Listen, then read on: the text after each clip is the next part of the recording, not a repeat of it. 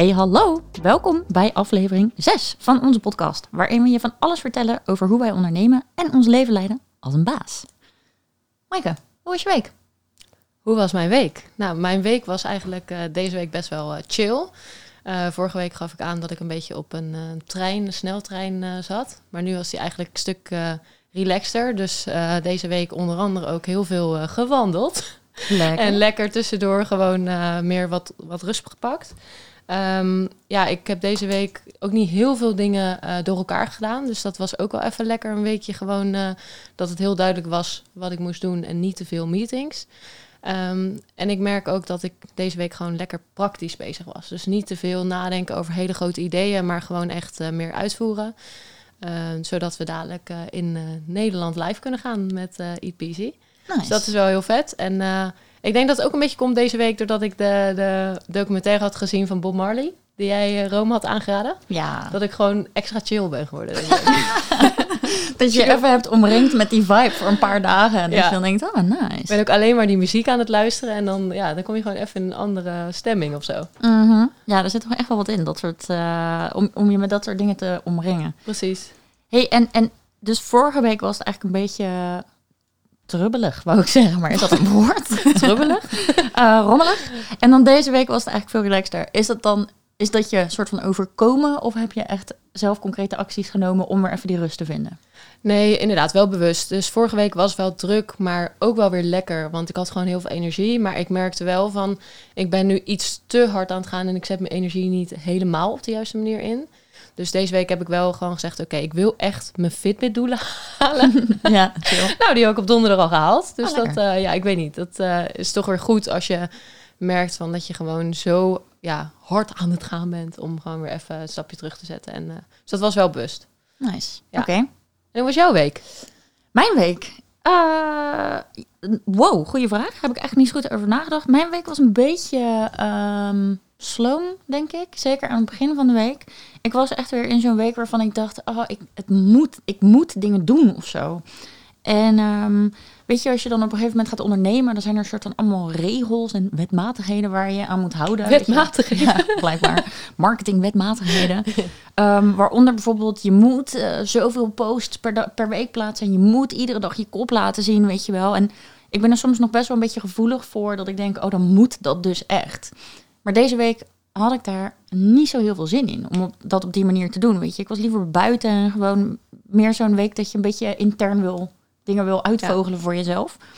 Uh, maar dat, ik had heel erg het gevoel dat het moest. En in één keer dacht ik, het voelt net alsof ik weer terug in loondienst ben omdat het allemaal moet, weet je wel. Dat je dan, daar moest je ook komen opdagen op kantoor. En dat vond ik dan soms, weet je, er zijn gewoon dagen dat je daar geen zin in hebt. En ik voelde dat ik dan nu ook moest opdagen op allemaal online platformen. En toen dacht ik, dit is volgens mij niet helemaal the way to go. Dit is volgens mij niet helemaal waarvoor het bedoeld is. En weet je hoe dat dan kwam? Dat het, waar dat gevoel eigenlijk vandaan kwam? Ja, ik denk dat dat is omdat je, weet je, je hebt een bedrijf en je wilt het goed doen. Dus je zoekt ook naar heel veel inspiratie van, oké, hoe moet dit? En wat is dan de beste manier om de dingen te doen? Um, en ook nog een beetje zoekende, weet je. Ik ben nu nog uh, geen jaar bezig. Dus het is ook niet zo dat ik al kan zeggen, dit is de manier waarop ik het doe en daar sta ik voor en ik ga er niet van afwijken. Nee, dat is gewoon nog een beetje zoeken aan het begin. Um, en scrollen op Instagram. Dat is echt finesse, man, voor je, voor je eigen plannen. Want je ziet weer van alles voorbij komen. Je denkt, oh, dit is ook wel handig. Dit kan ik ook wel in mijn mix van things to do stoppen, weet je wel. En ik moet dat gewoon niet doen, want ik ben daar dan een beetje gevoelig voor. Um, nou, gelukkig ben ik me nu heel bewust van dit soort dingen. Dus donderdag dacht ik, krijg de pleuris. Ik doe helemaal niks. En uh, omdat ik dat bewust had gezegd, weet je wel, ik doe helemaal niks. S'avonds dacht ik opeens, oh, ik heb zin om wat te vertellen. Dus ja, dan komt het vanzelf wel weer. Ja, ja, ja, ja. ja, En ben je ook wel inderdaad een beetje uh, buiten geweest? Want je zegt, ik heb zin om gewoon buiten te zijn. Ja, ik heb uh, heel veel stappen gezet. Ja, ik moest ook even weer die, uh, die Fitbit-doelen halen. Want ik had ja. ze vorige week niet gehaald. Voelde ik meteen weer een loser, weet je wel. Ik had met mezelf afgesproken dat ik, ook, die doelen zou halen. En het is niet gelukt. Loser. Weet je, dat is gewoon... Dat is gewoon zonde. Haal ze gewoon. Of ja. stel ze niet. Ja, bij mij stond er, dat had ik nog aan je laten zien, stond er de hele tijd dat het in behandeling was. Dus ik had nog de hele tijd de hoop van, oh, ik heb het toch wel gehaald. Ja, toch niet. Nee, je voelt je, weet je, je stelt een doel en je haalt het niet. En meteen denk je, ah, loser. Ja. Stom. Ja, dat is wel een valkuil nog. Maar aan de andere kant geeft het ook alweer genoeg energie om het de week erop wel te doen. Dus ik Ja. ben echt eh, bewust eh, iedere dag naar buiten gegaan. Vet veel stappen gezet. En was Jason niet een hele blije puppy eh, deze week met dit weer? Ja, ja, Jay komt natuurlijk uit Canada. En eh, iedereen denkt, oh, eh, this is his natural habitat, weet je wel. maar ja hij, vindt, ja, hij vindt het wel leuk. Eh, ja. Hij, niet. Nee, ja, weet je. Iedereen had- begint erover tegen hem ook. ja, ja, ja, iedereen vraagt, hoe leuk vind jij dit weer? Ja. eh, dus dat is op zich wel grappig. Maar hij had ijsvrij. Dat, eh, dat, eh, dat hoor je ook niet vaak. Dus eh, we waren gewoon lekker thuis, ook konden lekker naar buiten. En eh, hij baalde alleen dat hij geen schaatsen heeft. Want iedereen wil natuurlijk Ja. schaatsen. En Ja. dat, eh, die liggen nog in Canada. Maar nee, het was uiteindelijk leuk. Dus donderdag heb ik, heb ik nog geen flight gedaan. Toen had ik gisteren live dag van mijn coach. Ehm, en dat kwam dus eigenlijk ook heel goed uit. Want dat is heel veel energie in de hele dag, weet je wel. Uh, dus uiteindelijk ben ik nu weer helemaal, uh, helemaal aangewakkerd. Ja. ik hoor iets over crypto op de achtergrond, maar dat is uh, Bart, onze podcastman. Uh, Suus, wil jij wat vertellen over je week? Ja, nou, mijn week was een beetje. Ik moest allemaal een beetje een andere, of hoe zeg je dat? Beslissingen nemen. Dus mijn week was eigenlijk helemaal niet zo praktisch, uh, wat uh, Mike zei. Ik, ja, ik moest even gaan bedenken, of nou ja, ik zit er een beetje tegenaan te tekenen welk boekhoudprogramma ik ga nemen. En er zitten weer allemaal haken en ogen aan. Maar goed, daar zal ik jullie allemaal niet uh, mee lastigvallen, want het is niet echt een leuk verhaal. Uh, maar daar ben ik in ieder geval veel mee bezig geweest. En um, ja, een ander dingetje waar ik mee bezig was, is dat ik een samenwerking heb afgesloten met een partij. Ja. En um, dat was wel een beetje de mindfuck van de week voor mij. Want uh, uh, zeg maar, iedereen zegt dat ja, als je gaat ondernemen, dan mag je kiezen met wie je gaat samenwerken. Maar uh, ja, deze samenwerking was me eigenlijk een beetje overkomen. Ik dacht, ik had het ergens een soort van opge... Of nou, het kwam op mijn pad, zeg maar. Ik denk, nou ja, leuk, laten we het uh, proberen. Maar ja, het niet heel, liep, verliep niet heel soepel, zeg maar. En nu is het uiteindelijk ook gewoon, hebben we gewoon besloten om er gewoon mee te stoppen. En uh, ja, dat is wel even een soort van uh, weer een reflectiepuntje. Dat ik dacht van oké, ik mag dus kiezen met wie ik samenwerk. Maar dan moet ik er ook wel even wat aandacht aan besteden hoe ik die mensen selecteer. Want uh, ja, als je zeg maar je verwachtingen niet goed uitspreekt, dan ja, weet iemand anders ook niet wat zeg maar iemand moet gewoon uitspreken van oké, okay, dit is mijn verwachting. En dan kan ik uitspreken, joh, dit is mijn verwachting. En op die manier kan je dan ook gewoon kijken van oké, okay, past, past het bij elkaar of niet? Want ja, in dit geval had ik het dus niet gedaan. En dan uh, had ik heel tijd aannames in mijn hoofd van nou ja, weet je wel, waarom, waarom doet hij zo? Weet je wel, dit, dit hoort er toch gewoon bij? Of, en dan zat ik heel tijd mezelf een beetje op te vreten erover. En toen dacht ik van, oh, dit is eigenlijk zo niet hoe het, hoe het zou moeten, weet nee. je wel.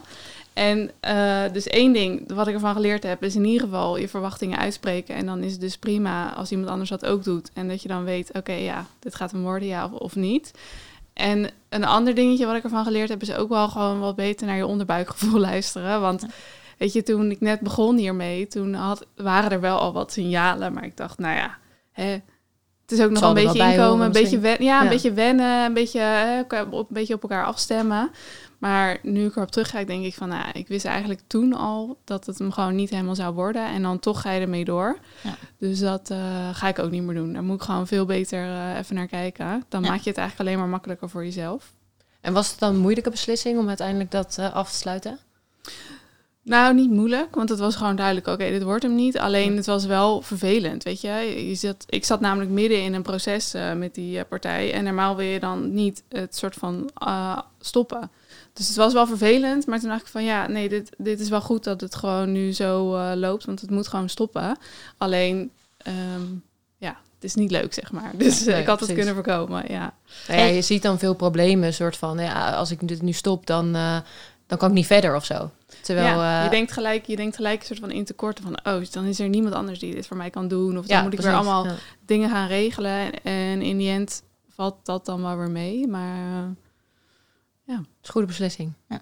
Hey, je noemt het een samenwerking, maar was het niet eigenlijk ook het idee dat als deze partij een aantal dingen voor jou in jouw proces zou overnemen, dat jij daar minder tijd voor kwijt zou zijn? Ja, ja, ja. klopt. Eigenlijk had ik ze gewoon ingehuurd. Ja, precies. Ze eigenlijk gaan uitbesteden van een deel van je proces. Inderdaad. Ja, ja. maar het wel. Het is natuurlijk altijd een beetje een samenwerking. En, uh, ja. Maar in die end, ja, ik had ze ingehuurd. En uh, nou, ik verwachtte daar meer van dan dat zij mij konden bieden. Dat is eigenlijk inderdaad uh, waar het op neerkomt. Dat is wel een lekker bruggetje naar het onderwerp van, uh, van deze week, vind ik. Want we gaan het over de 4-Hour Workweek hebben van uh, Timothy Ferris. En um, daar, nou, daar komen we zo wel op terug. Maar er staat natuurlijk, weet je wel, doe zo min mogelijk zelf. Want dan kost het je uit. Dan, heb je, dan, dan krijg je die 4-Hour Workweek. En uh, jij besteedt dus eigenlijk wat uit. Maar het is dus eigenlijk net niet met de juiste mensen. Dus uiteindelijk ben je er in je hoofd misschien nog wel meer mee bezig dan wanneer je het zelf zou doen. En dat, dat, dan schiet je dus helemaal zijn doel voorbij met zoiets uitbesteden. Ja. ja. Interesting. The 4-Hour Workweek. We hebben hem alle drie gelezen. Um, Maaike, waarom is dit nou zo'n interessant boek voor als je uh, wil gaan ondernemen of als je net gaan onder bent gaan ondernemen? Waarom, waarom bespreken we dit boek? Waarom is het zo boeiend? Ja, ik zat ook even te denken van wanneer heb ik dit boek alweer gelezen en hoe ben ik erbij uh, gekomen. En ik heb, ben volgens mij getipt door Suus over dit boek, want jij had hem al een stukje eerder uh, gelezen. Mhm. Volgens mij zei je in Frankrijk uh, een half jaar voordat ik hem ging lezen. En toen ging ik op vakantie en ik was al een beetje bezig met, oké, ik wil iets, iets anders. Ik wil waarschijnlijk niet meer werken waar ik nu werk, maar ik weet dan niet zo goed wat ik dan wil doen. En ik vond het denk ik ook een beetje spannend om die stap te zetten überhaupt. Um, ik weet niet meer precies inderdaad of, ik, of jij had gezegd van lees dan dit boek. Maar ik had het boek meegenomen en ik ben daarin begonnen.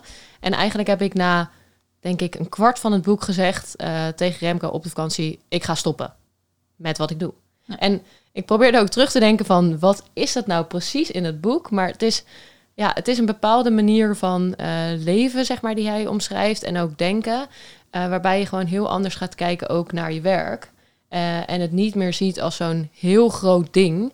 Um, waarbij ik denk het meeste wat het eigenlijk het, ja, het meest interessante wat ik eruit had gehaald was dat heel veel mensen die werken eigenlijk een hele leven toe naar een moment. En dat is met pensioen gaan. Ja. Uh, en nou, ik, ik, zie het ook veel om me heen en ik snap het ook goed. Ik bedoel, als ik ook kijk naar mijn ouders, weet je, het moment met pensioen gaan, dat is echt zo vastgezet als, nou, dan kunnen de vlaggen uit, weet je wel, dan krijgt iedereen taart en dan kan ik gaan leven. Uh, en ik had zoiets van, oké, okay, dat wil ik echt niet. Nee. Daar kreeg ik gelijk een beetje gevoel van, dat, dat wil ik niet. Maar als ik misschien zo doorga, ook al had ik het echt wel naar mijn zin, maar de, ik voelde gewoon iets van, ik zit hier niet zo erg op mijn plek. Als ik zo doorga, dan wordt dat misschien ook zo. Dus voor mij was het een beetje de aanleiding om gewoon, weet je, ga voor iets anders wat je echt prikkelt. Dus hij noemt dat volgens mij iets het moet je excitement geven. En dat dacht ik van, oké, dat heb ik niet meer in mijn werk. Dus ik moet dat gaan zoeken, want ik wil gewoon niet naar dat punt dat ik inderdaad mijn pensioen als het einddoel uh, ga zien. Ja. Dus daar begon het eigenlijk bij mij een, uh, een beetje mee. Ja, ja super herkenbaar. Want ik, uh, ik voelde me eigenlijk altijd een beetje gek bij waar ik werkte. Want ik, ik was 27 en ik dacht, ja, maar dit ga ik dus echt niet volhouden tot mijn pensioen. En uh, weet je, in het nieuws was ook heel de tijd, uh, die leeftijd wordt hoger. En toen dacht ja, ik, je ja, moet nog 40 jaar hoor. Nog, ja. Nou, ik dacht, moet ik nog 50 jaar? Dan gaat, hem, dan gaat hem gewoon niet worden, weet je. Ik ga dat echt niet volhouden. En ik vond dat heel raar. Ik heb dat volgens mij ook nooit hardop gezegd. Want weet je, heel veel mensen doen dat. En je ziet, uh, in mijn geval, mijn vader is dat ook gewoon aan het doen. Dus ik dacht, ja, ben ik gek dat ik dat denk, weet je wel? Ben ik de enige die dat niet wil? Weet je, mensen hadden bepaalde carrièrepaden voor zich. En ik dacht alleen maar, nee, nee, nee, ik wil dit niet. Um, en dit boek geeft je gewoon echt een soort van de, de, de, de, de zo out-of-the-box manier van denken. In Ja. plaats van wat jij net Ja. zegt, weet je wel, met een 60 uren werkweek. En je bent helemaal opgeslokt door dat werk. En, en uiteindelijk is er een keer een moment dat je kan bijslapen op vakantie. Of bijslapen voor de rest van je leven met pensioen. Ja, dat was niet wat ik voor ogen had hoor. Ja. Nee, en volgens mij zegt hij toch ook van, ja, weet je, dan ben je eindelijk met pensioen. En dan ben je op zo'n leeftijd dat je eigenlijk heel veel dingen die je zou willen doen, misschien niet, meer gaat doen. Want daar heb je dan de energie niet voor. Ja, hij zegt eigenlijk, weet je, je beste jaren zijn eh, 20, 30, weet je wel. Dan kan je alles, als het goed is, heb je dan financiële middelen om allemaal dingen te doen. Maar eigenlijk ben je dat leven wat je op dat moment wil, ben je aan het uitstellen totdat je om en nabij de 65 bent. En misschien wel 72 in Nederland.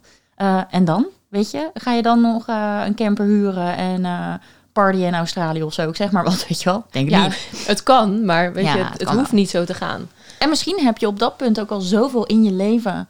Als in materiële dingen, een huis, gezin. Weet je, dat je zoveel nog meer hebt. Dat je nog minder bewegingsruimte voelt om, om een beetje op avontuur te gaan. Ja, wel grappig. Maar ik, want jullie zeggen, wat jij eigenlijk benoemt met pensioen, dat is eigenlijk dat je dus meer naar je tijd gaat kijken. Dat je tijd eigenlijk waardevoller vindt dan geld. Dat is eigenlijk een beetje wat je, wat je dan zegt, toch? Mhm. Want dat, dat was voor mij dus ook wel echt eh, een soort van echt een beginpunt van oké, dat je totaal eh, op een andere manier naar, naar de situatie kijkt, zeg maar. Want eh, toen je zeg maar ging studeren, toen, uh, nou leuk, ga je studie doen, ga je daarna werken. En het was gewoon een, een gegeven dat je dan fulltime gaat werken. En uh, je was eigenlijk vooral bezig met hoeveel ga je uh, verdienen, weet je wel. En iedereen kijkt er ook tegenaan van, oké, je wil steeds meer gaan verdienen. En wat ik dus, wat voor mij echt zo, een soort van epiphany was, dat ik echt dacht van, wauw, ja. Uh, hij zei van oké, je moet niet kijken naar een soort van een absoluut getal hoeveel je dus verdient, maar je moet het relatief bekijken. Dus als jij uh, uh, zeg maar, nou ja, noem even een x-bedrag. Jij verdient bijvoorbeeld 50.000 euro per jaar en je werkt, laten we zeggen, 10 uur per week. maar je kan ook zeggen, ik verdien 100.000 euro per jaar, maar ik werk 100 uur per week. Ja, dan is dat, dat zeg maar dat uur, uurloon, zeg maar, dat relatieve Mm De relatieve rijkdom, zeg maar. Daar zit gewoon een heel groot verschil in. Ja. En toen dacht ik van ja, wat, wat vind je nou belangrijker? Dus hoeveel geld je uiteindelijk gaat verzamelen? Of hoeveel tijd je er relatief gezien in stopt om geld te kunnen verzamelen? Ja. Ik vond dat echt dat ik echt dacht van, oh ja, dit is echt wel super interessant. Want ja. ik had eigenlijk nog helemaal niet van dat concept eerder gehoord. Het was gewoon van, ik had er nog nooit helemaal bewust over nagedacht. Nee. En dit was voor mij wel echt het soort van beginpunt van om, om zeg maar ja, anders tegen dingen, uh, zeg maar, erover na te denken. En dat was eigenlijk meer weer een beginpunt om dan misschien te gaan ondernemen, ja of nee. Ja, ja want jij had hem dus al eerder gelezen. Weet jij ja. nog hoe je er een beetje bij was gekomen bij de boek? Uh, ja, ik had het volgens mij in een podcast gehoord. Dat iemand, iemand had het over boeken die ze hadden gelezen. En die zei toen ook van ja, voor Our Workweek was een beetje het begin van alles bij mij. Toen dacht ik, oh nou leuk. En ik vond die persoon, die vertelde gewoon heel leuk over haar leven en zo. En toen dacht ik, oh, nou, ik ga dat boek ook lezen. En toen, want ik, ik zat volgens mij ook nog in loondienst toen ik het uh, boek las. En voor mij was dat een beetje een soort van dat ik überhaupt ging nadenken over ondernemen. Ja, ik, ik zag mezelf helemaal niet, überhaupt niet als ondernemer. En dat is voor mij wel echt een beetje het beginpunt. Ja. Ja, super herkenbaar. Want je, je hebt op dat moment gewoon een 40-hour workweek, al dan niet 60 hours, als, je, ja. als het een beetje tegen zit in een week. Uh, en dan zie je dus de 4-hour workweek. Ja, en dan denk je. Ja, maar het roept ook weerstand op. Want Ja, het eerste wat je denkt niet. is: kan niet, kan niet. Maar ergens voelde ik in mijn buik. eh, zoiets moet het wel worden. Want waar ik nu zit, dat ga ik niet volhouden, weet je. Dan ga ik gewoon kapot. En ik weet nog dat op een van de eerste pagina's staat... This book is for anyone who is sick of the deferred life plan and wants to live life large instead of postpone it. En toen dacht ik, ja, maar fuck ja, dat ben ik. Eh, en laat dan maar zien, weet je wel, eh, wat je doet. Want Ja. Ik, ja, toen was ik wel echt mega geïnteresseerd. En dan ga je gewoon echt kennis zuigen, omdat je denkt, ah, dit Ja. is... Maar dat kan wel. Ja, het moet je wel echt aanspreken. Hè? Want ik heb ook mensen gehoord die de boek hadden gelezen en die echt zeiden, ja, nou ja, ik zat het te lezen, maar ik denk, ja, dat kan helemaal niet. En eh, ja, dag, allemaal onzin, weet je. En toen dacht ik van, oh, toen ik het las, dacht ik echt, oh ja, inderdaad, waarom heb ik dit zelf niet verzonnen? Dit is zo logisch, weet je wel, zo Alles is logisch. mogelijk, ja. ja. Maar Ja. het is ook, weet je, dan is het ook gelijk heel zwart-wit. Want je hoeft het niet per se eens te zijn. Zeg maar, je hoeft, het, je hoeft niet als streven te hebben dat je vier uur per week Nee, werkt. nee, het gaat gewoon om de concepten en dat je die kan toepassen. En of dat nou vier uur is, of dat het twaalf uur is, of 24, weet je, whatever. Ja. Ja. Maar dat je gewoon in ieder geval tijd hebt voor de dingen die je leuk vindt. En dat je dat niet eh, jaren gaat uitstellen. Ja, precies. Hey, en sommige mensen zijn natuurlijk wel super blij met hun, met hun eh, vaste baan van 60 uur in de week. En dat is ook helemaal oké. Maar ik kan wel stellen dat wij het alle drie, toen we dit boek lazen, niet waren. En dan staat daar tegenover het andere uiterste, vier uurtjes per week werken en de hele wereld over reizen. Ehm, en dan vind je daar je eigen balans in. Want ik dacht wel inderdaad aan het begin, weet je, je ziet ook op de cover, hij ligt in een hangmat, of iemand ligt in een hangmat, eh, tussen twee palmbomen. En toen dacht ik wel, oh, dit is heel erg het digital nomad leven, weet je. Dit, het gaat heel erg om reizen. En ik moet ook zeggen dat ik daar toen ook heel erg door aangetrokken was. Want ja, mijn vriend woonde in Canada, weet je wel. En, en eh, ja, echt een vaste plek in Nederland hebben. Ik weet niet helemaal, eh, misschien wil ik ook wel lekker de hele wereld over. Ehm, maar ik kwam er dus wel ook echt achter dat het helemaal niet om dat reizen gaat. Nee. Het gaat veel meer om inderdaad hoeveel vrije tijd heb je. En wat je daar eh, mee doet, dat Ja. moet je lekker zelf weten. Ja, ja. Ja, en dat is natuurlijk zijn ding, weet je. Hij wil heel veel landen zien en daarom komt, komen er wel veel van die verhalen komen daarover terug. Ja. Ehm, maar het kan ook in hele andere dingen zitten. Ja, het geeft veel meer aan hoe je mentale vrijheid, denk ik, kan creëren door tijd te hebben. Ehm, Ja. Terwijl, en, en ik vind dat echt gek om te zeggen in een land als Nederland, weet je wel. Want je bent hier, hier, hier oh, zo, kom lekker uit mijn woorden. Je bent hier zo vrij eh, als maar zijn kan zo ongeveer, relatief gezien. Eh, en toch kunnen mensen zich zo gevangen voelen in, dat, Ja. in die red race, weet je wel. In die sneltrein waar we het eerder over hadden. En hij laat gewoon zien, doe het niet. Nee, precies. En ik had toevallig, de, ook uit die documentaire van eh, Bob Marley, die heeft dan ook één zo'n quote. En toen moest ik ook gelijk denken aan dit eh, boek. Want dan zegt hij van, ehm, eh, possession makes you rich. I don't have that type of richness. My richness is life forever. Ja. Toen dacht ik, ja, dat is precies waar het om gaat. Van, het gaat er niet om, ga je zo hard werken om dat bedrag te krijgen en dan kan je alles doen wat je wil. Maar kan je nu al gewoon die vrijheid creëren Ja. en dus een leuk leven. Ja. Eh, en dat had ik ook toen ik laatst met twee ondernemers zat. Echt twee hele andere type ondernemers. Best wel, eh, nou ja, ze waren boven de 50, dus die waren al een tijdje bezig. En de een die zei van, eh, ja, ik had eigenlijk dit jaar willen stoppen met werken. maar toen kwam corona en toen moest ik nog door. Oh. En toen zei die ander van, maar wat ga je doen dan? Wat wil je gaan doen dan? Wil je dan vrij zijn? Ja. Dus hij zei ja. En toen vroeg hij ook aan mij van, heb jij dat nou nodig? Vrij zijn? Zeg maar, wat is dat dan voor jou? Zij keken er heel anders weer tegenaan. Want hij zei van, ik ben gewoon vrij, want ik doe wat ik leuk vind. En dat wil ik nog heel lang blijven doen. En die ander had echt zoiets van, oké, ik, ik ben eindelijk vrij, want ik stop met werken. Ja. Dus Ja. dat is ook onder, nog steeds onder ondernemers kan dat ook zo zijn. Ja, iedereen, weet je, iedereen streeft naar vrijheid en iedereen vult dat denk ik op een andere manier in. En de ene vult dat in door nu zoveel mogelijk geld te pompen, zodat ik zo snel mogelijk mijn pensioen kan. En de ander vult het in door ehm, bijvoorbeeld ik, ik, dat ik mag doen wat ik wil met wie ik wil. Dus dat wij hier met z'n drieën die podcast eh, kunnen, kunnen op gaan zitten nemen. Hm. Ja. Wat is jouw definitie van vrijheid, Suus? Ehm, ja, goede vraag. Ook te doen wat ik wil, inderdaad. Maar ook wel het gevoel dat ik dus niet vastzit met ehm, ja, aan mijn tijd of zo. Ja, het klinkt een beetje cryptisch, maar ehm, eh, dus bijvoorbeeld eh, uurtje factuurtje. Stel je, je, stel je bent ondernemer en je bent, eh, gaat als ZZP'er werken, dan heb je vaak echt uurtje factuurtje. En dan dat, zeg maar, dat concept, dat, dat zou ik dan weer een soort van, spreekt mij weer niet aan. Ik vind het juist heel erg, tenminste, oké, even rewind. ik kom ook lekker uit mijn woorden vandaag. Maar wat ik gewoon vooral, eh, zeg maar, wat mij heel erg inspiratie gaf uit dat boek, is dat je dus eh, niet je tijd eh, hoeft te verbinden aan. aan, wat, aan het geld, zeg maar, wat er binnenkomt. Dus het is niet zo van, oké, ik ga nu inderdaad 40 uur werken en dan krijg je betaald voor die 40 uur. Nee, ik kan nu, weet ik veel, gewoon een paar uur werken per week. Maar op het moment dat ik bijvoorbeeld, eh, het is mooi weer en ik ga naar het strand op een dag, dan kan ik dus nog steeds geld verdienen op het moment dat ik op het strand lig. Dus het gaat er mij niet om inderdaad van ik hoef maar vier uur per week te werken, maar wel van dat het dus niet één op één aan elkaar verbonden is, tijd en geld. En dat was voor mij wel echt een soort inzicht dat ik dacht van, oh ja, dat, dat wil ik ook. En ik moet zeggen dat ik ook daar wel, ehm, ja, dat gaf mij ook wel heel erg inspiratie om zeg maar mijn businessmodel wat ik nu heb, om dus Ja. daarvoor te Ja. gaan. Ja, want dat kom komt je heel daar? erg, ja, Ja. dat komt heel erg in de buurt bij wat je nu eh, Ja, vertelt. ja. Wat, wat kan dat zijn? Eh, als we even op jouw voorbeeld eh, pakken, zeg maar, hoe, hoe zou dat dan werken praktisch?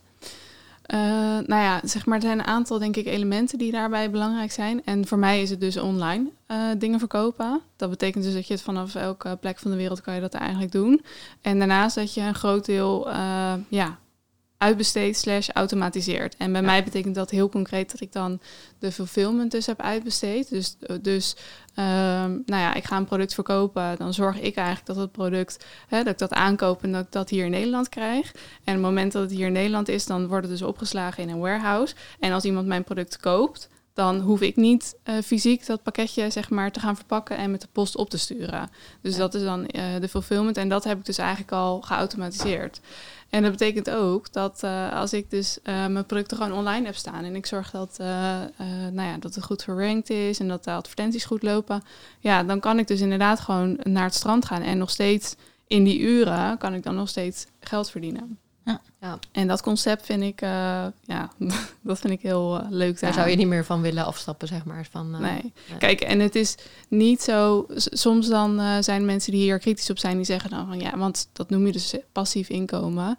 Die, die zijn dan eigenlijk zeggen ja, dat is eigenlijk allemaal onzin en eh, dat kan helemaal niet. En eh, nou ja, weet je, ik denk niet als jij aan passief inkomen, dan hoef je niet te denken dat je nooit meer iets hoeft te doen of dat je nooit meer hoeft te werken, want dat is gewoon niet de realiteit. Ja. Alleen, eh, ja, wat ik dus net uitlegde, je tijd is niet één op één verbonden aan wat je dus verdient. En Ja. dat betekent dus dat het schaalbaar is en dat je dus heel erg kan groeien. En dat is wel iets wat je kan verwachten met passief inkomen. En heb je daar dan nog verder stappen voor, voor de komende tijd wat je nog meer zou willen uitbesteden? Of zit je nu al op een punt dat je zegt van nou, ik, eh, dit is eh, prima?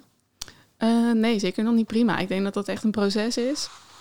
En ik denk, ehm, toen ik dit, eh, ja, toen ik zeg maar hier weer over na ging denken, toen werd ik me ook wel weer bewust van, oké, weet je, wat zijn allemaal die processen in mijn bedrijf? En eh, weet je, hoeveel tijd ben ik daar nou werkelijk aan kwijt? En ook hoeveel, eh, zeg maar, met welk activiteiten ben ik bezig en waar verdien ik nou echt geld mee? Dus voor mij was dat echt wel weer dat ik dacht van, oh ja, ik ben er eigenlijk nog lang niet, weet je wel. Ik moet echt wel weer verder gaan met sowieso even in kaart brengen, oké, wat zijn nou al mijn processen? Want ik denk als je pas als je het opschrijft en als je soort van daar bewust van bent, dan kan je pas gaan nadenken over het uitbesteden of automatiseren. Ja.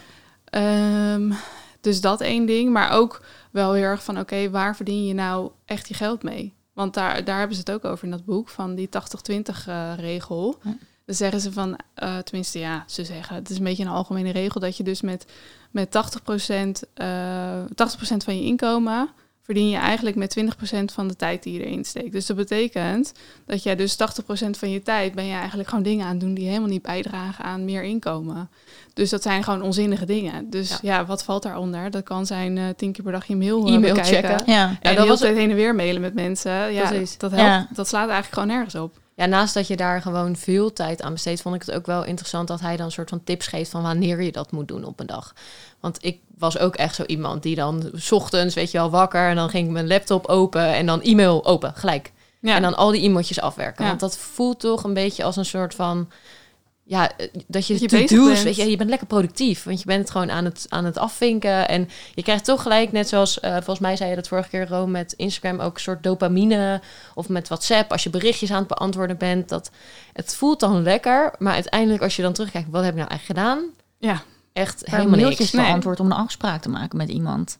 Ja, dat was stom, toch? Ja, ik, Zat, ik was echt een vol op in loondienst uh, toen ik dit boek las. En toen, ik weet nog zo goed dat ik inderdaad een hele dag um, heb, dat ik verdeed het aan shit. Gewoon acht uur lang van mijn tijd, weet je wel. Terwijl ik uh, toen op dat moment 27 was. ieder uur wil je dan, weet je, kan je wat vets doen. En ik zat daar letterlijk mailtjes over en weer te sturen. Ik denk 16 mailtjes over en weer om één afspraak te maken. Wat de fuck, man.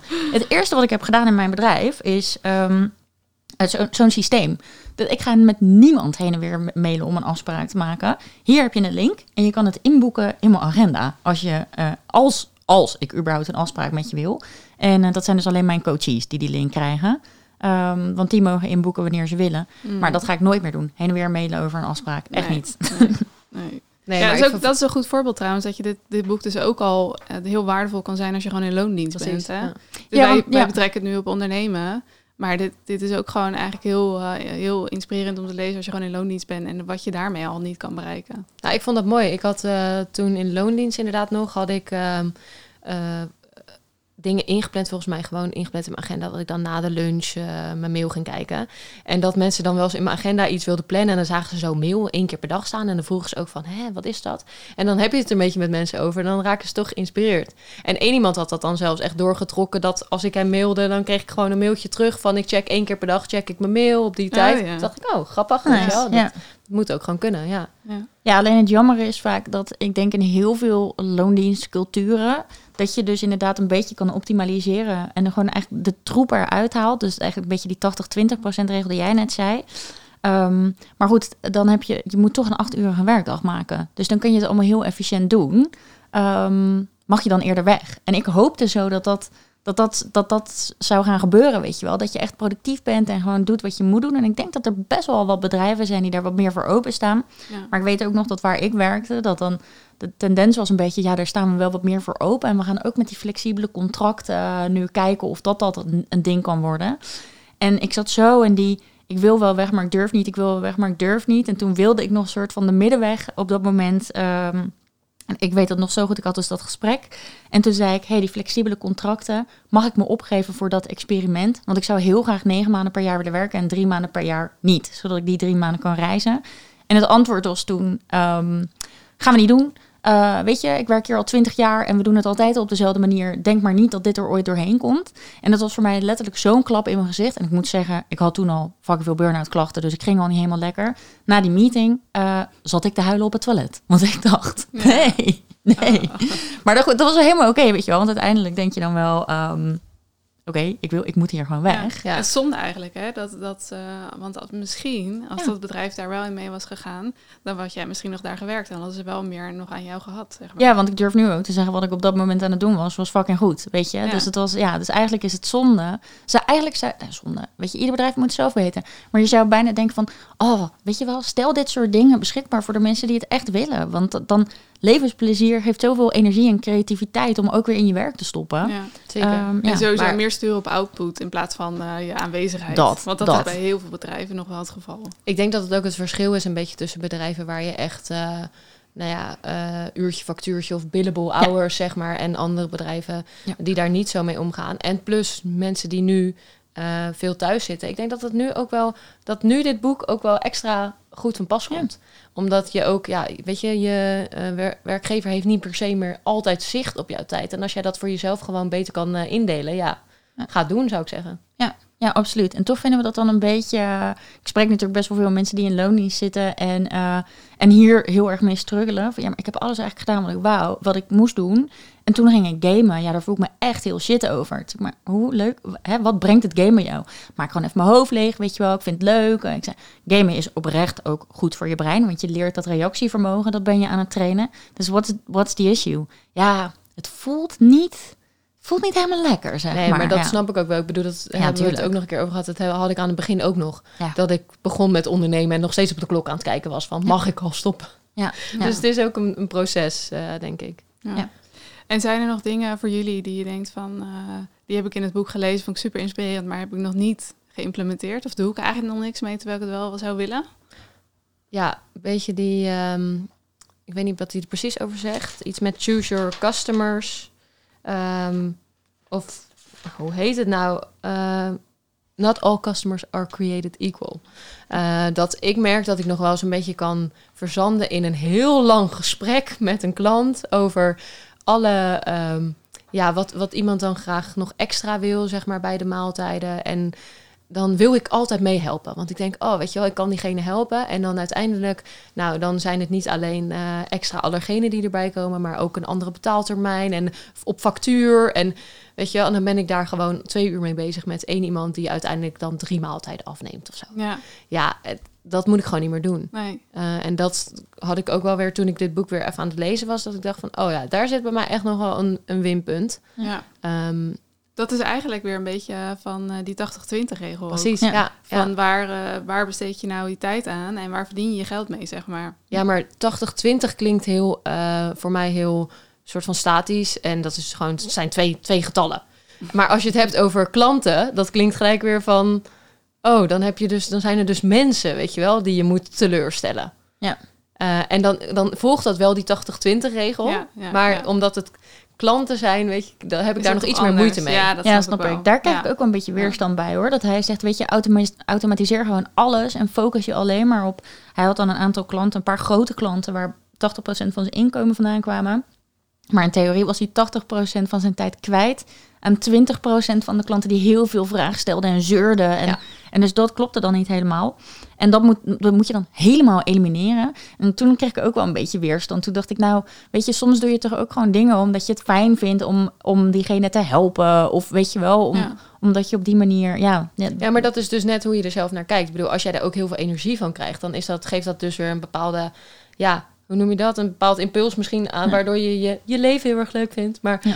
ja. ik merkte wel dat ik dacht, ik wil diegene heel erg graag helpen. Ja. Maar ook wel een beetje hoofdpijn dat je denkt van, oké, dit is wordt wel echt heel veel aanpassen. Ja. Eh, en dat wil je echt wel, weet je. Het moet niet ten koste gaan, denk ik, van je eigen, van je eigen ja, belangen of zeg maar waar jij voor staat. Dus je kan Precies, prima ja. iemand helpen en, en meedenken en je service daarop aanpassen als dat daadwerkelijk het verbetert. Ja. Maar wat jij zegt, als dit eigenlijk alleen maar voor één persoon geldt en niet voor al je andere klanten, ja, dan moet je jezelf afvragen, draagt dit wel bij aan, eh, aan het succes van mijn bedrijf?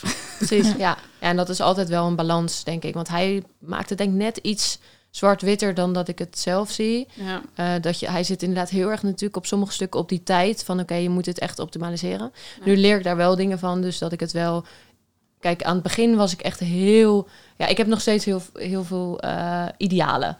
Maar ik merk ook wel, soms is het gewoon praktisch niet haalbaar. En dan Eh, ja, dan moet je jezelf eigenlijk gewoon net iets meer dwingen om dat iets praktischer te bekijken. Ja. Maar eh, ik ga niet al die idealen loslaten omdat ik dan uiteindelijk meer tijd heb. Maar dat vind ik dus ook niet het meest belangrijk. Nee. Dus dat is Nee. voor mij eh the way to go. zeg maar. Ja, En, en wat is dan een voorbeeld van een ideaal waarvan je denkt, oké, de praktisch gezien moet ik dat heel even loslaten? Nou, bijvoorbeeld, ehm, ik heb een tijdje, ik ben begonnen met eh, twee formaten maaltijden. Ja. En toen dacht ik, oh, ik ga het helemaal personaliseren voor mensen. Weet je wel, ik ga ze echt op de beste manier helpen. Ehm, en toen ging ik add-ons toevoegen. Eh, dus dat mensen zelf nog iets extra's kunnen kiezen bij de maaltijd waar ze dan zelf voor willen gaan. En ik merkte op een gegeven moment dat er eigenlijk klanten helemaal niet zoveel verschillende dingen kiezen. Ja. Eh, dus ik dacht, ik wil ze wel die formaten bieden. Want ik hoor ook gewoon uit de feedback dat mensen zeggen, nou, ik vind eh, dit te veel of ik vind dat te weinig. Eh, terwijl iemand zei, ja, moet je niet gewoon naar één maaltijd teruggaan? Dan is het toch makkelijker, weet je wel, ook voor de keuken. En daar heb ik dan, maak ik dan wel een trade-off tussen van, oké, ik zou het, als, als ik klant zou zijn, zeg maar, zou ik het helemaal gepersonaliseerd willen. Maar Ja. dat ben ik dus. Ja. Eh, en ik zie uit de data dat dat eigenlijk helemaal niet zoveel gebeurt. Dus ik ga wel terug naar drie formaten, want dat maakt het wel praktisch eh, makkelijker voor de keuken. Maar is het ook niet zo dat ik alle eh, voordelen weghaal. Ja, dus dat je daar je, je middenweg in hebt gevonden. Ja, precies. Ja. En heb jij nog dingen, Ro, die je denkt van, oh, dat wil ik nog... eh, Ja, ik zou wel wat meer mogen en moeten eh, uitbesteden. Weet je, ik heb. eh, en, en dat is ook wel mooi om dit boek weer een keertje opnieuw te lezen. Want ik dacht wel, oh ja, ik, ik zit nog echt wel veel tijd te stampen in bepaalde dingen die nou niet per se meteen ehm, klanten opleveren. Ehm, en die ook best wel veel energie kost. En ik heb eigenlijk, ik, kreeg, ik heb altijd een oncomfortabel gevoel bij het woord time management. Daar werd ik gewoon echt misselijk van. Want ik zag dan meteen voor me dat je jezelf helemaal moet uitpersen om zoveel mogelijk eh, gedaan te krijgen. En ehm, toevallig gaf ik laatst ook een eh, workshop waarbij we eh, in plaats van time management veel meer gingen kijken naar energiemanagement. Weet je, als je energie hoog is, wat kun je dan op dat moment doen? En als je energie laag is, wat kun je dan op dat moment doen? Om er ook weer voor te zorgen dat die pieken en die dalen wat minder heftig worden. En ook om ervoor te zorgen dat je sneller weer naar veel energie gaat. In plaats van, ik vond dat time management heel lineair. Gewoon persen, persen, persen, persen, persen. Alles eruit, rammen wat erin zit. Totdat je met vakantie kan. En dan bam, donder je in een of ander gat. Word je ziek, weet Word je je wel. vaak ziek, ja. Ja, eerste Ja. week van je vakantie. Ik hoor het van superveel mensen nog steeds. Zijn ze hartstikke ziek. Nou, oké, dan kun je weer heel even een beetje batterijtje opladen. En dan begint het persen weer van een, van een vooraf aan, weet je wel. Ik voelde me daar altijd een beetje oncomfortabel bij. Boeken als Getting Things Done. Dacht ik, oeh, nee, doe al zoveel, weet je wel. Ja. Dus ik zit nu alweer eventjes opnieuw te bedenken van... oké, maar met welke dingen hou ik me dan bezig? En ben ik niet stiekem ook wat meer naar dat time management gegaan? Want ik ben de laatste tijd wat meer aan het plannen. Dit doe ik dan, dit doe ik op dat moment. Ehm, maar ik ram dus gewoon weer mijn dagen vol met 9, 10 uur werken. ja. En dan gaat het naar die moedjes, wat jij zegt. Dat het weer Ja. voelt als een moedje. Ja, ja, ja, ja, ja, heel erg. Voor- Zeker afgelopen week dacht ik in één keer... gadver, dit was niet, eh, niet waarvoor ik het had bedacht. Mhm. Dus ik ben weer even aan het denken... oké, hoe kan ik dan mijn geld beter inzetten en investeren... in dat mensen dingen kunnen overnemen... en dat je daardoor zelf meer tijd hebt om, om die klanten te vinden... die je zo Ja. graag wil helpen. Want wat zou je in jouw business dan kunnen uitbesteden? Of waar denk je aan? Ehm, nou, ik kan bijvoorbeeld ja, de, de achterkant, dus website. Ik heb best wel wat systemen waar ik. ehm, nou, oké, bijvoorbeeld, ik heb een gratis e-book. Eh, dat e-book download je en dan kom je op een maillijst. Nou, vanuit die maillijst stuur ik je een aantal mailtjes. Dat is, weet je, heel veel mensen denken, oh, dat is echt een stomme marketingtruc. Maar ik probeer het echt meer te zien als in, weet je, he- helpt dat e-boekje? Ja, ik hoop dat het je helpt. Maar als je denkt, zo, wat schrijf jij eh, lomp, weet je wel, dan, nou, dan mag je afhaken. Schrijf je gewoon uit, weet je wel. En je krijgt steeds meer mailtjes van mij met eh, ook videootje om te kijken, hey, kan ik jou helpen? Zijn wij een match? Ja, ze leren jou een beetje kennen eigenlijk. Ja, precies. En dan aan het einde zeg ik een keer, joh, eh, wil, wil je een gesprek met me inplannen om te kijken of dat ik jou verder kan helpen bij dat badass leven van je? Ehm, maar ik heb dat zo simpel ingericht. Echt veel te simpel. En daarna, eh, stel ik heb dat gratis gesprek met iemand en iemand koopt mijn programma op mijn website, dan eh, moet ik best wel een beetje opletten. Want dan moet ik die persoon nog handmatig toegang geven tot dat programma. Wat helemaal oké is, want ik heb die persoon al gesproken en ik weet al wanneer die het gaat kopen of niet. Maar ik zou dat wel wat meer willen eh, automatiseren, inderdaad. Ja. En ik kan dat zelf. En ik ben eigenwijs. Nou, ik zeg, ik kan dat zelf, maar dit is gewoon puur de eigenwijze persoon in mij. Ik kan dat zelf wel. Ehm, maar iemand anders kan het veel beter, veel sneller en veel handiger. Ja. Dus dit soort dingen. Maar dan kom ik ook weer een beetje bij die money mindset. Weet je, denk ik, oh, zou ik het zelf proberen? Of, of moet ik eigenlijk toch wel aan iemand vragen of die het kan Ja. doen? Nou ja, en weet je wel, als jij het uitbesteedt, dan heb jij dus meer tijd over om te gaan besteden aan nieuwe klanten vinden. Ja, precies. Om meer mensen te helpen, om meer van die gaat gesprekken te voeren. Ja, ja, absoluut. Ik denk dat je ook een beetje in die flow moet komen van oké, als je een keertje iets hebt uitbesteed en je ziet van dat gaat eigenlijk wel lekker, dan ga je dat veel makkelijker eh, doen. Want je merkt ook, oké, die persoon is echt een aanvulling op wat ik al doe. En nu kan ik echt mijn, ja, mijn tijd die ik over heb vrijmaken voor dingen die ik dus inderdaad echt heel erg leuk vind, waar ik nog beter in ben. Ja, je wil er een beetje bewijs van zien. Want ik werk toevallig Ja. nu samen met iemand die, ehm, ik noem het inderdaad ook samenwerken. Ik werk eh, samen met een meisje die doet mijn ehm, Instagram advertisements, of Facebook ads, zo heet dat. En ehm, ik dacht, ik was super huiverig, want ik dacht, ja, wie spreek je dan aan, weet je wel? En eerst, ik heb het al een keer zelf geprobeerd en toen werkte het allemaal niet. En zij stelt het nu super goed in, want zij weet gewoon super veel van marketing. Ehm, en ze had een paar ads ingezet en daar kwam een klant uit. En toen dacht ik, oh, oh nou, ik heb dat al nu al terugverdiend, weet je wel, voor deze maand. Dus je Ja. ziet, je moet heel even dat bewijs in, inderdaad hebben van, hé, hey, ik heb het al terugverdiend. Ja. Nou, let's Ja. go, nog een Ja. maandje, weet je wel, ja. Inderdaad. En wat ik ook wel interessant vond, wat hij heel duidelijk zegt, van je, je afspraken moeten gewoon goed zijn. Of je, ver- ja, je verwachtingen eigenlijk dus. Of je rule set, zeg maar, moet je Ja. opstellen. Want ik had, eh, ik ben samen gaan werken eh, natuurlijk met twee gasten. En die nemen echt meer de, de operatie eh, op zich. Waar dus, ze dus ook vragen van klanten beantwoorden. Omdat zij gewoon eh, alle kennis hebben over wanneer worden de maaltijden klaargemaakt. En wanneer gaan we ze uitleveren. En daar komen gewoon af en toe nog wel vragen over. En in eerste instantie deed ik dat dan nog zelf. Want ik wilde ook even kijken van hoe gaat het dan. Dan, ga ik de, eh, dan krijg ik de vragen van de klanten binnen. En dan ga ik ze zelf beantwoorden.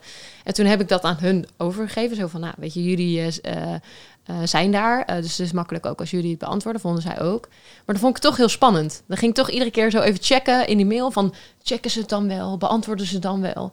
Maar dat was ook omdat ik dus niet duidelijk met ze had afgestemd van...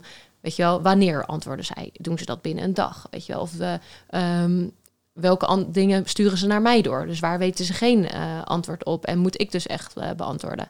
En dan kreeg ik af en toe wel eens na twee dagen van... joh, er staat nog een vraag in, die moet jij even beantwoorden. En dan raakte ik helemaal in paniek. Oh shit, weet je wel, dat is nog niet gebeurd.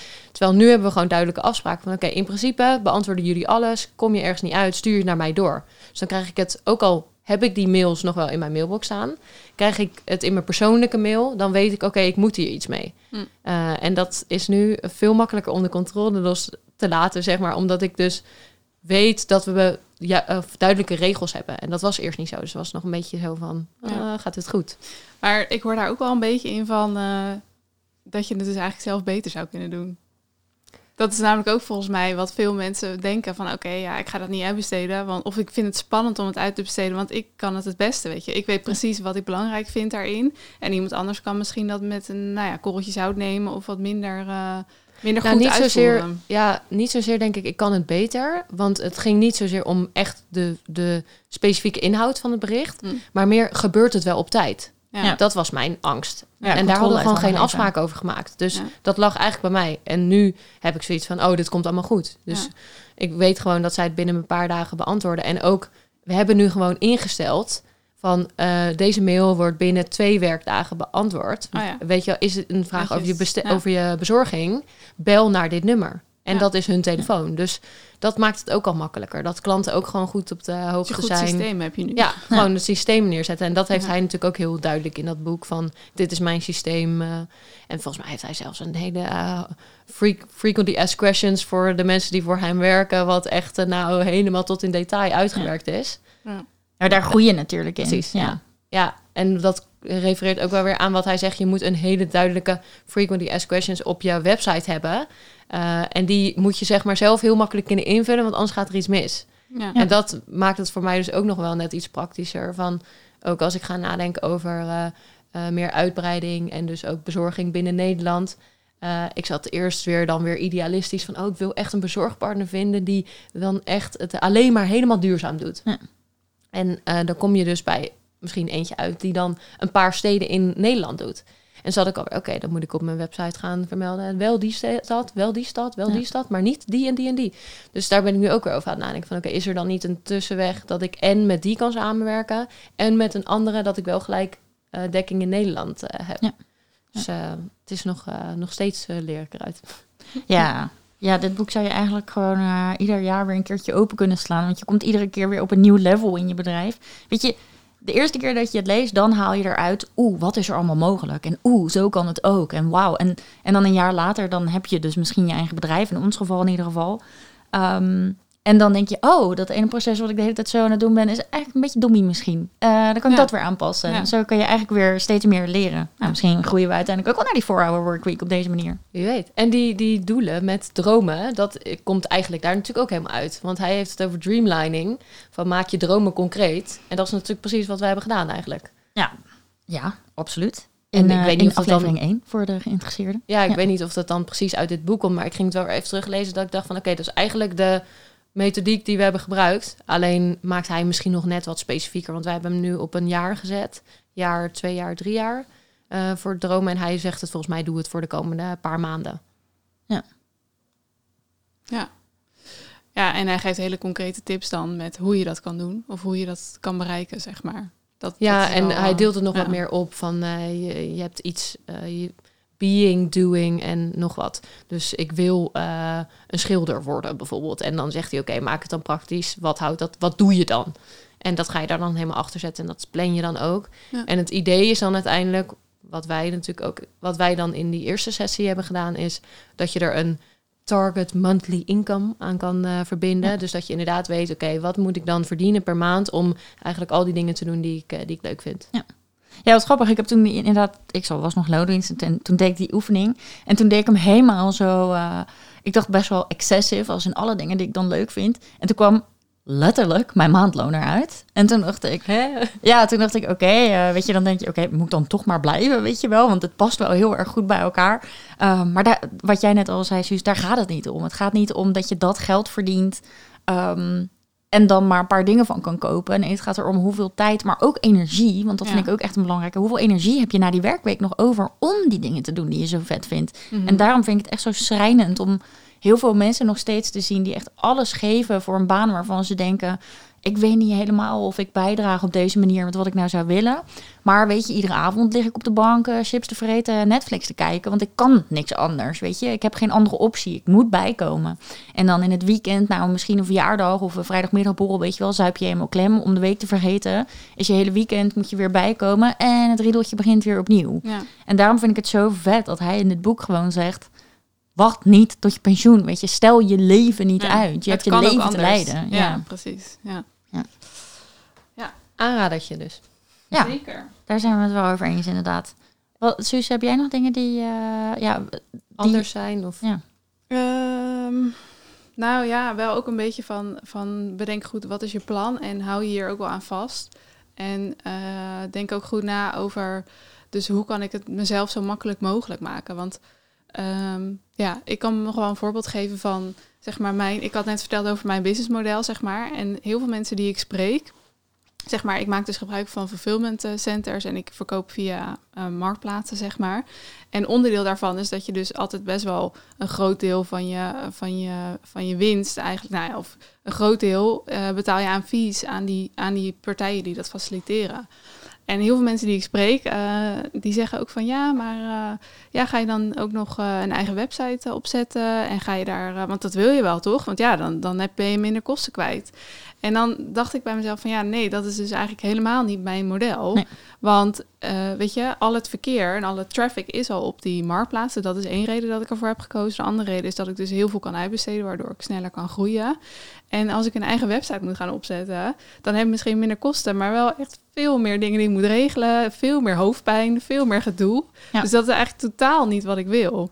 Dus weet je, en toen dacht ik van, dat soort dingen zijn wel belangrijk om mee te nemen. Want dan denk je in eerste instantie, oh ja, inderdaad, dan heb ik minder kosten. Nou, dan kan ik meer winst maken. Maar ja, in, in die end kost het me ook veel meer tijd. Ja, dan draai je die 80-20 regel eigenlijk weer om. Dan voor 20% Ja. van de klanten die misschien op jouw eigen webshop komen, Ja. eh, ben jij 80% van je tijd kwijt. Ja, maar- en ik vind dat gewoon, weet je, ja, als ik ook naar mezelf kijk, ik vind het ook super chill als je dingen gewoon op, op één website kan kopen. Dan kan je lekker vergelijken, kan je lekker alles, eh, alle vijf producten die je nodig hebt, kan je gewoon in één keer bestellen in plaats van dat je naar tien verschillende websites moet. Maar is dat alleen vanuit eh, dat mensen zeggen van dan bespaar je kosten? Of is dat ook niet een beetje zo'n ego-dingetje? Dat, dat je zo'n dan denkt van oh, ik heb een eigen website, weet je wel? Dus ik heb een. Ik heb Ja, nu dan heb echt ik echt iets. mijn eigen winkel. Ja, precies. Ja. Ja, zou kunnen. Ja, dat, het- maar dat daarom mensen snel denken van ik moet een eigen website, weet je, want ik heb een eigen bedrijf, dus dan hoort dat erbij. En ja, misschien ook wel hoor. Ja. Maar hoe is het dan aan mij of aan mij eh, soort van een beetje zo aan Uitleggen, van, dat, ja. is, dat is je doel toch? Want dan kan je kosten Ja. besparen. Ja, misschien dat dat ook heel erg meespeelt. En toen dacht ik, nee, dat is eigenlijk niet mijn doel. Nee, precies. M- Ik hoorde laatst ergens massa is ook kassa, weet je. Maar als jij op deze manier meer producten kan verkopen, heb je misschien wel iets minder marge. Maar uiteindelijk, weet je, als je misschien heb je een euro minder marge, maar misschien verkoop je wel 10.000 extra producten. Ja. Nou ja, en eh, je kan van tevoren daar rekening mee houden natuurlijk. Dat je productonderzoek en hoeveel marge wil je houden, weet je wel. Dus dat, dat is gewoon onderdeel van het model. Ja, dat gewoon eh, uitzoeken eigenlijk. Ja, en voor mij betekent dat ook wel gewoon vasthouden aan dat model en dat gewoon Ja. verder uitbreiden. Dus Ja, makes sense. Ik ben wel weer even aangeslingerd om te kijken wat ik allemaal aan het doen ben, waar mijn tijd allemaal naartoe gaat. En eh, om te kijken, want nu was het heel erg inderdaad, hoe, het, hoe hoort het? En dan moet ik dat dus ook maar doen. Maar tien mensen zeggen dan, hey, zo hoort het. Dus dan probeer je alles in elkaar te fietsen, maar dan heb je toch weer een tien urige werkweek, of werkdag, sorry, te Ja. pakken. En dan op het moment dat je denkt, ik zou wel willen schaatsen, denk je, nee, ik moet eigenlijk nog, weet ik veel, aan mijn website werken of zo.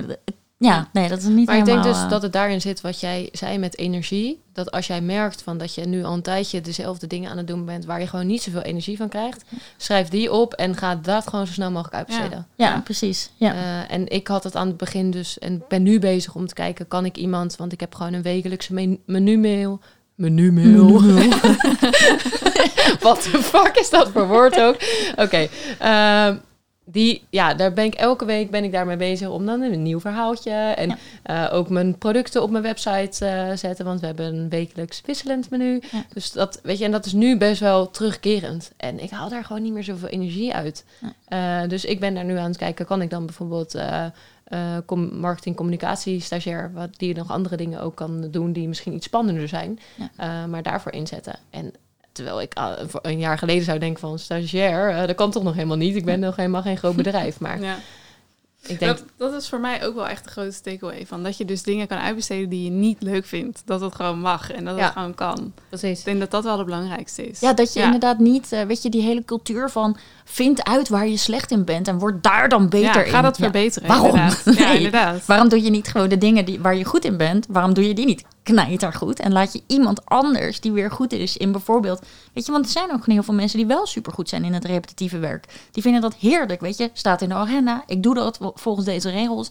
En het is afgevinkt en yes, ik heb het Ja. gedaan, weet je wel. Laat iemand die daar knettergoed in is, dat inderdaad doen. Maar hoe vaak is ook wel niet gezegd van ja, jij werk is ook niet alleen maar leuk. Oh, ja. Oh. Nee, maar dat is oké. Beetje Tuurlijk, ik ben echt niet eh, eh, gek. Je werk is inderdaad niet alleen maar leuk. Maar om dat nou iedere keer als soort van standaard reactie te geven, daar, Dat is ben ik ook wel klaar mee hoor. is een excuus om te verschuilen achter Ja. het feit dat je stik ongelukkig bent in je werk, weet Ja, je? Eh, ja, dat is echt, ja, ik haat die uitspraak. Ja. Of het moet wel realistisch blijven, of je moet niet zo... Tegen mij wordt zo vaak gezegd, kom met je kop uit de wolken. Ja, flikker eens op man, want als ik daar niet in zit, waar moet ik dan, waar komt dat vuur dan vandaan om shit te gaan doen, weet je wel? Hoezo moet ik nou, doe realistisch. Oké, dus ik moet nu, omdat jij het zegt, eh, ongelukkig zijn in mijn werk. Nee. Ja, maar ook gewoon uiteindelijk als je dit leest en als je het gewoon doet, dan zie je dat het realistisch is. Want we, we flikken het, weet je wel. Dus Ja. het is gewoon realistisch, maar niet in de wereld van die ander. Eh, nee. En, nee, en het is ook niet voor iedereen. En iedereen moet het zelf weten. Maar het wordt zo gedouwd, weet je wel. Hier staat escape the 9 to 5. Live anywhere and join the new rich. Iedereen denkt, dat kan niet, dat kan niet. Kan wel. Kijk naar de mensen die het doen. Gisteren heb ik echt zo'n leuk filmpje gezien. was echt een heel leuk filmpje. Ik ga hem straks eh, opzoeken. Maar mijn coach die had hem aan ons laten zien.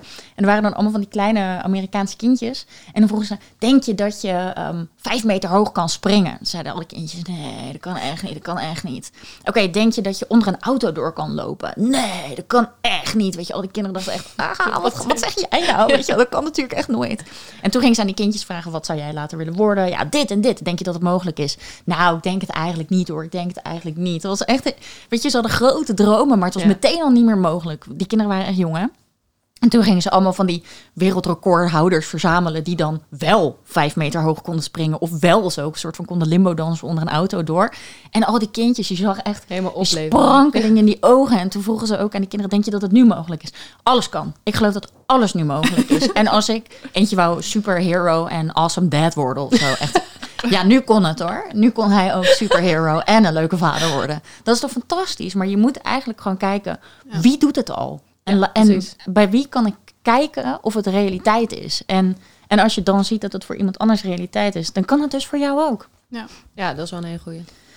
we verzanden dan wel weer vaak een beetje in jaloezie. Ik ben daar nog niet. Wat grappig. Ik had Mhm. gisteren, ehm, of ergens deze week, had ik een post online gezet. eh, omdat een, een van mijn coaches zei iets best wel leuks. Ze zei, ik voel, me, ik voel het alsof iedereen chefkok is. En ik ben kampioen Oh ja, magnetronmaaltijden.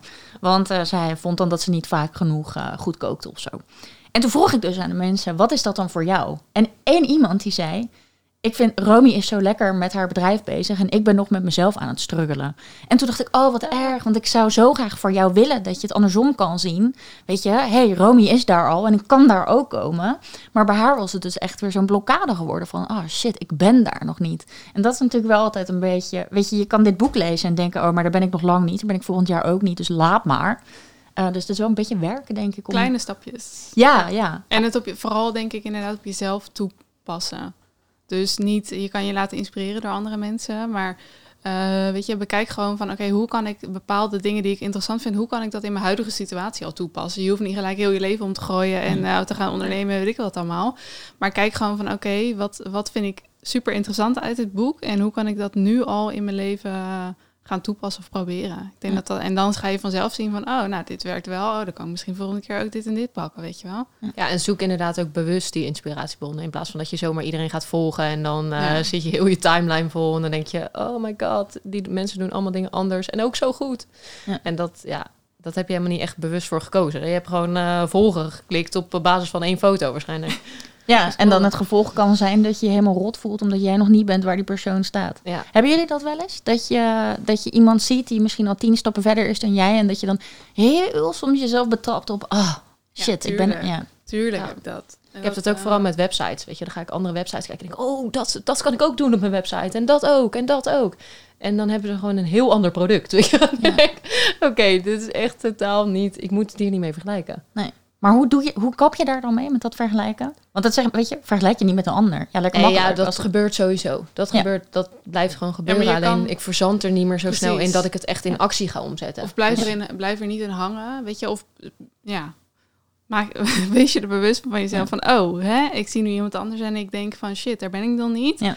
Oké, nou, dat eh, heb ik wel vaker, maar ik ga daar niet helemaal in mee, weet je wel. Ja. Ik eh, zie het gewoon en dan laat ik het ook weer gewoon voor wat het is. Ja, dit is echt die, die, die, die oefening die je bij jezelf eigenlijk moet doen. Ja. Er, er is een situatie, je voelt je er niet zo lekker over. Doe heel even een stapje terug, weet je wel. Kijk even naar de feiten. Is die persoon al tien jaar bezig en jij net een week? Kijk dan alsjeblieft heel even naar die feiten en denk dan... Oké, Ja, draai maar en om. anders, als het niet zo was, nog steeds. Weet Loop je ook je al- eigen Ook al pad. is iemand eh, korter bezig dan jij en die is voor jouw idee al verder. Ja, je, Ja. Weet je, je ziet toch niet alles. Misschien eh, lijkt het aan de buitenkant heel eh, mooi, en, maar dat hoeft niet zo te zijn. En ook al is het wel zo, maakt het nog steeds niet uit. Nee, want je hebt toch eerst je eigen lessen te leren om op een bepaald punt te komen. Ja, Ja. Ja. en ik schrijf het nu ook vaak op als idee op een soort van ideeënlijst. En dan ga ik weer even terug ook naar mijn, mijn boekje voor wat ik per dag heb opgeschreven van dit ga ik vandaag doen. Dan denk oké, nee, deze dingen ga ik nu echt doen. En dan kom ik er weer een keer terug bij de ideeënlijst en denk ik, wat de fuck heb ik dat daar ooit opgeschreven? Ja, ik wil dit helemaal niet. Streep ja. er doorheen. Ja. Maar dan heb ik het in ieder geval even opgeschreven. Zo van, misschien kan ik er ooit nog iets mee. Ja. En dan later eh, is het vaak eh, ja, past het toch niet helemaal bij je eigen repertoire? repertoire. Repertoire. Eh, ja, ja, ja, ja, ja, ja. ja.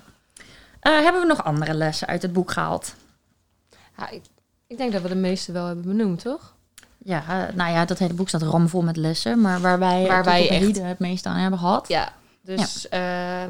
ja, echt een beetje inzicht krijgen in waar je gewoon eh, veel tijd aan aan het verspillen bent, zeg maar, volgens die 80-20 eh, regel. En wat je, waar je misschien veel energie aan het verspillen bent. Dus wat, je, wat je kan uitbesteden. Ja. Ehm, ja, ik had dan die, dat dreamlinen, dus eh, die we natuurlijk met z'n drieën, dus maak je dromen concreet en eh, hang er een, eh, een maandbedrag aan, wat je dan wil verdienen. Ja. En jullie? Precies. Nog, nog andere dingen? Hetzelfde. En Ja, ook wel een beetje de les van als je dat, als je dat dus niet doet, dat eh, elimineren en uitbesteden. Ja, dan houdt het je eigenlijk ook wel weer tegen in eh, nou ja, je plezier, zeg maar. Maar ook in, eh, in hoe je kan groeien. Dus dat dat ook wel gewoon erg bijdraagt aan hè, het groeien van je bedrijf. Ja, absoluut. Ja, en ja, mijn grootste les was denk ik wel... als je niet tevreden bent met waar je nu staat... zoek dan eens een keer het helemaal het uiterste op daarvan. Dus werk je 60 uur en denk je... "Ah, nou, dan lees je dus een boek over vier uur per week werken. Uh, en kijk dan wat daarin voor jou op dit moment uh, al haalbaar is. Om meer naar die andere kant te gaan. je hoeft er niet helemaal naartoe. Maar wat jij net ook al zei, weet je, hoe kan je het praktisch maken nu al in je leven? Als je nu uh, een uur bezig bent met mailtjes heen en weer sturen over een afspraak maken, vind daar iets op. Als je nu de hele dag bezig bent met je mailbox checken, heb een beetje zelfdiscipline en plan het gewoon één uur, zoals Maaike eerst, eerst al zei, weet je wel. ja, en implementeer zo dingetje voor dingetje zodat je denk uiteindelijk op een plek komt waarvan je denkt, nu ben ik echt lekker mijn leven aan het leiden. Ja. ja. Nou, dat was hem dan wel, hè? Ik heb hier nog hele tekst staan over een ander boek, maar dat was helemaal miscommunicatie. Kom nog een keertje. ik moet, Lekker ik voorbereid. Even, ja, even de bladzijde omslaan. Oké, nou dat waren denk ik wel de belangrijkste lessen. Ik denk dat we het er wel echt over eens zijn, weet je. Uh, lees het boek uh, als, je, als je het interessant vindt. Um, en, en als je hem al een keer gelezen hebt, lees hem gewoon lekker nog een keer of blader er nog een keer doorheen. Want wij komen nu ook allemaal weer op allerlei nieuwe dingen. Um, dus dat was het denk ik wel. Bedankt voor het luisteren. Laat ons even weten wat je ervan vindt. Dat vinden we uh, superleuk. En daar hebben we nu ook eindelijk een manier voor gevonden. Uh, dat kan via ons Instagram-account, uh, alseenbaas.depodcast. En als je vragen hebt of dingen wil weten over starten met ondernemen of het ondernemerschap, whatever, stel die ook daar via DM'tje. Dat vinden we leuk. En dan nemen we hem de volgende keer mee. Tot volgende!